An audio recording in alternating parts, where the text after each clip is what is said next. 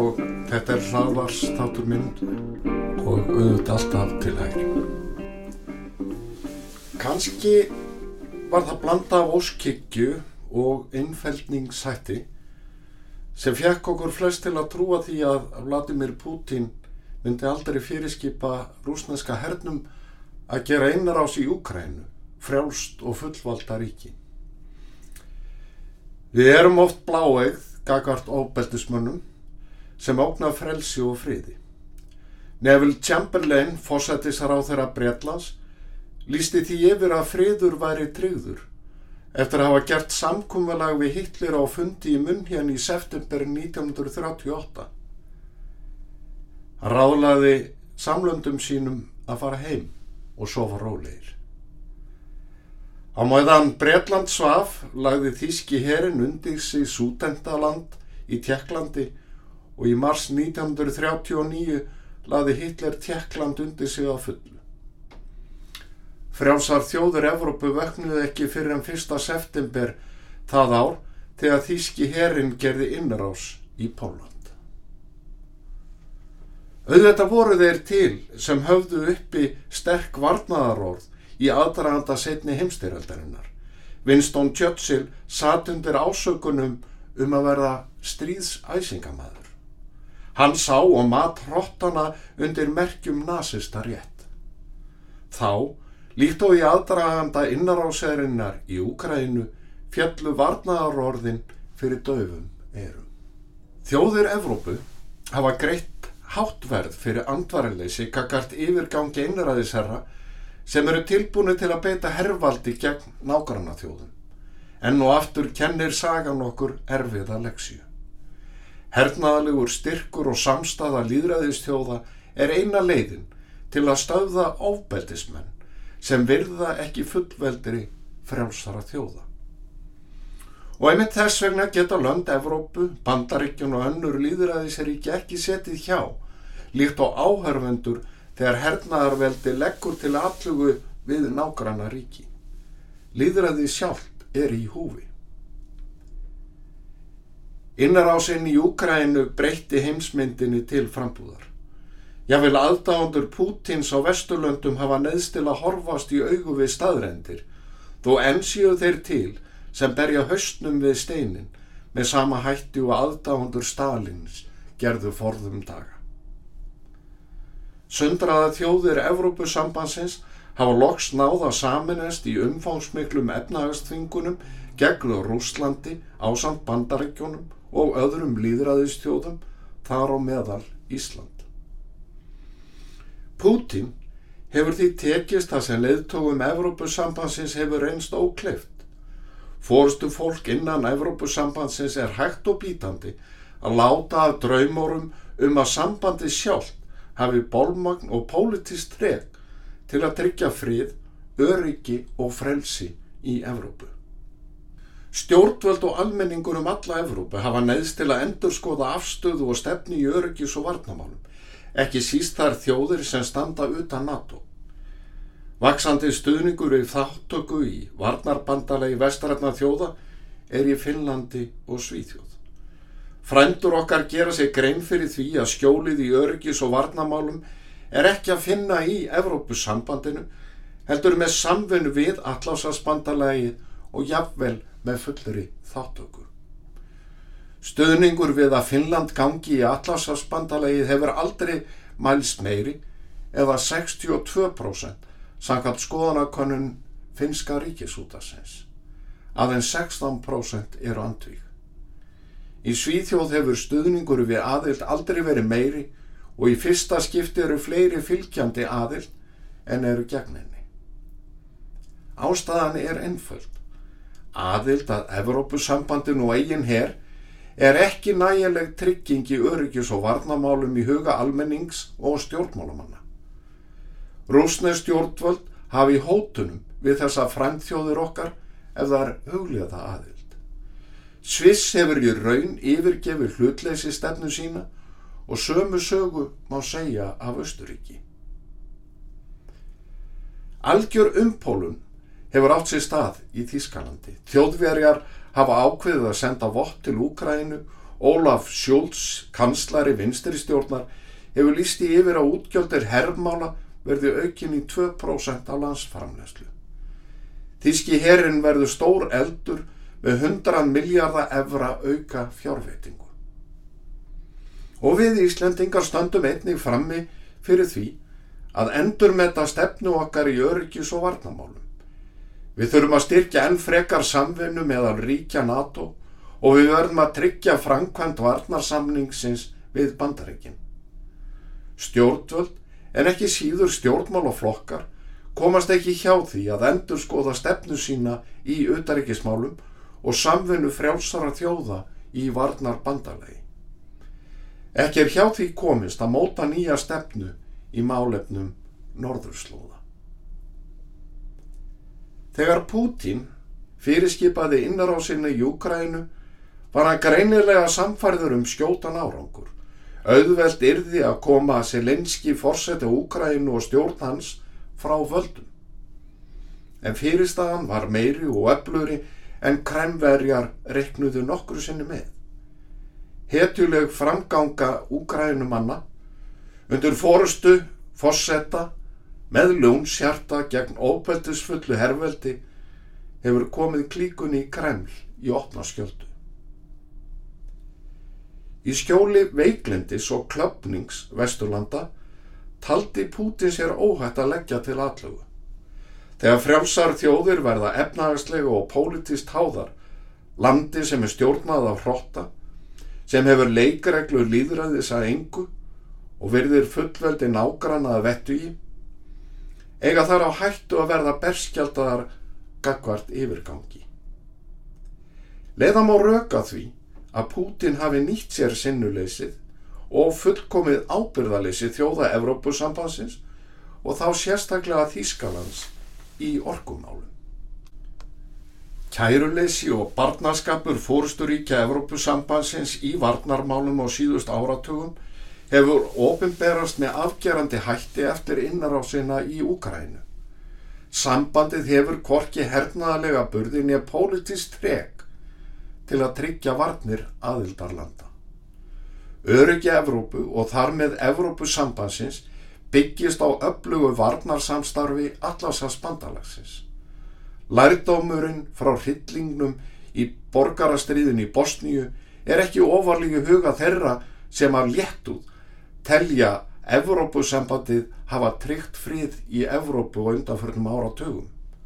Þá reyndist Evrópusambandið fullkomlega ófært um að koma á friði í bakarði sínum. Friður komst ekki á fyrir bandaríkinn letu til sín taka með bakstuðningi NATO.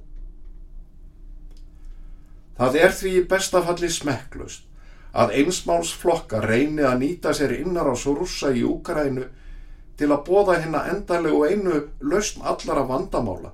Það er aðvild að Evrópusambandin með þeim raukstuðningi að veri sér að tryggja varnar og öryggishagsmun Íslands.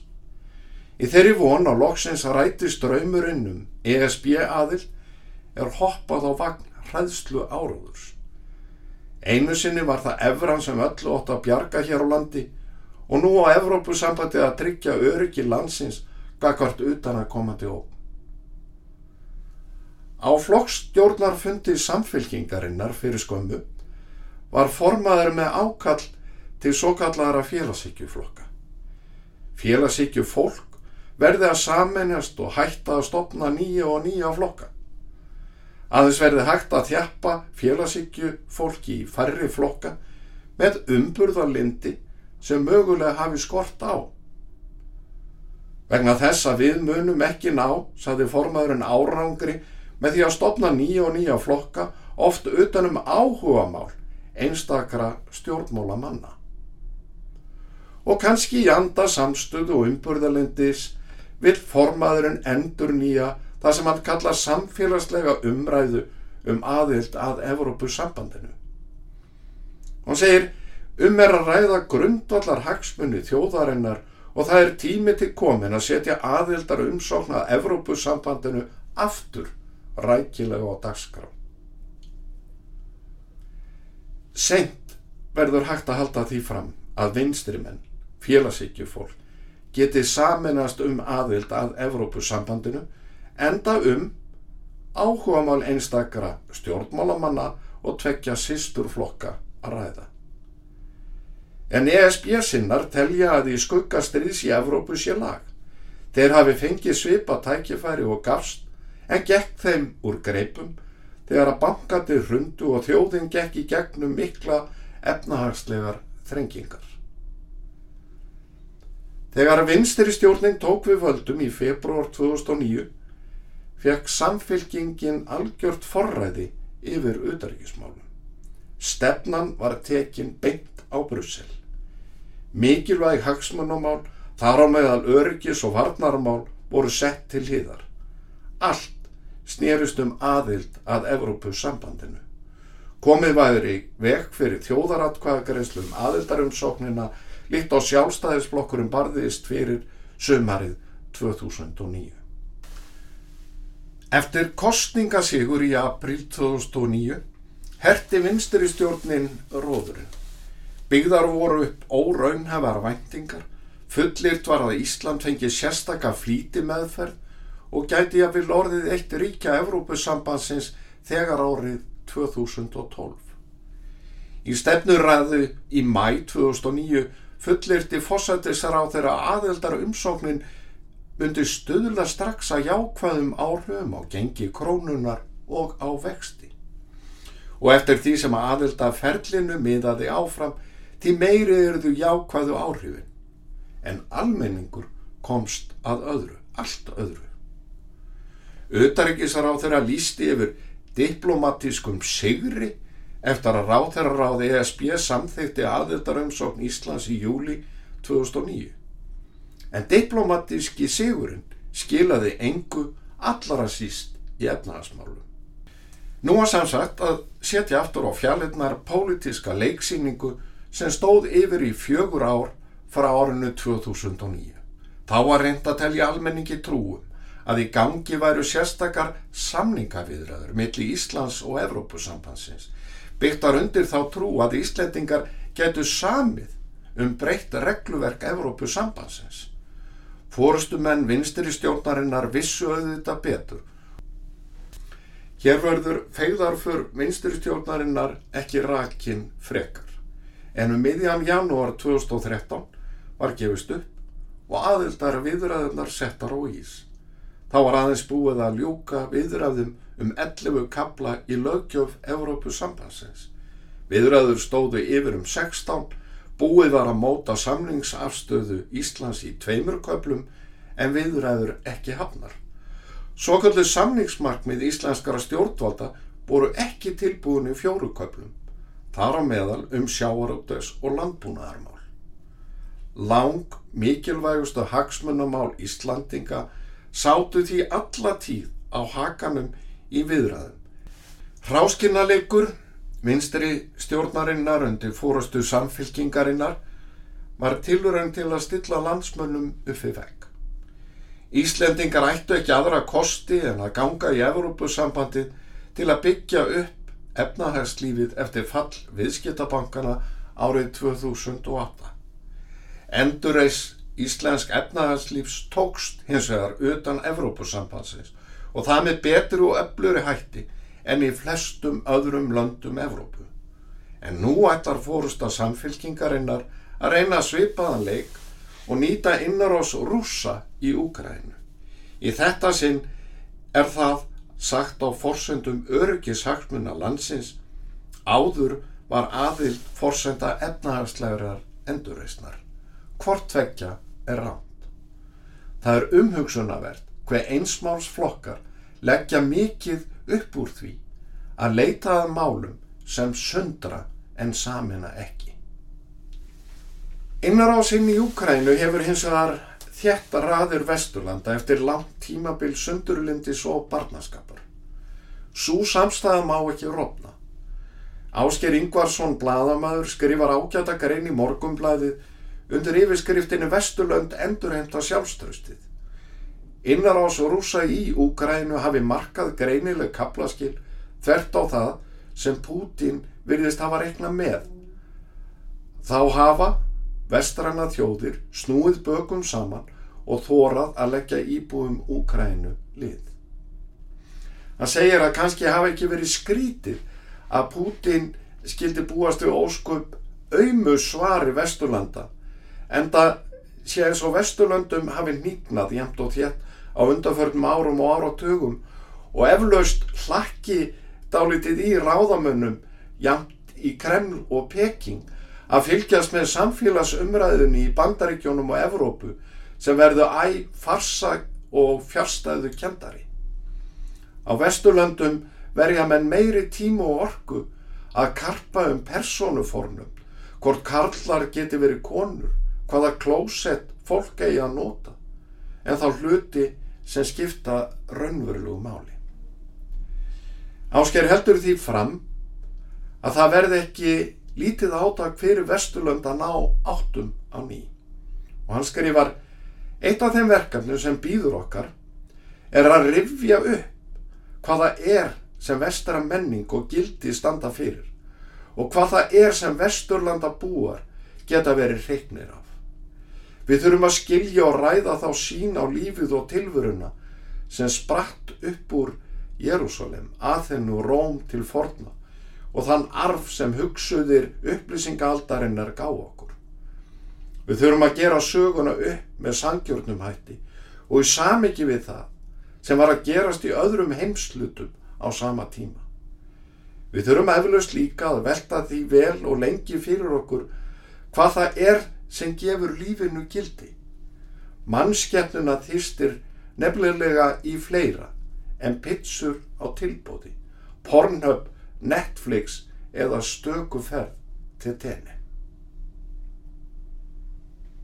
Það er vissulega rétt að innarásin í Júkrænu hefur þjappað frjálsum þjóðum saman og um leið afhjúpað lígar, blekkingar og harðstjórn Pútins sem verður stöðugt einangaraðri í samfélagi þjóða. Rúsneskur almenningur á betra skilið en að búa við einaræði og ógnastjórn Pútins og skósveina hans. Um leið og við Íslendinga líkt og öll Vesturlönd stöndum með frjálsar í Úkrænu eigum við einnig að taka okkur stöðu með frjálsu og líðuræðislegu Rúslandi. Ég þakka þeim sem hlýttu, eigi góða.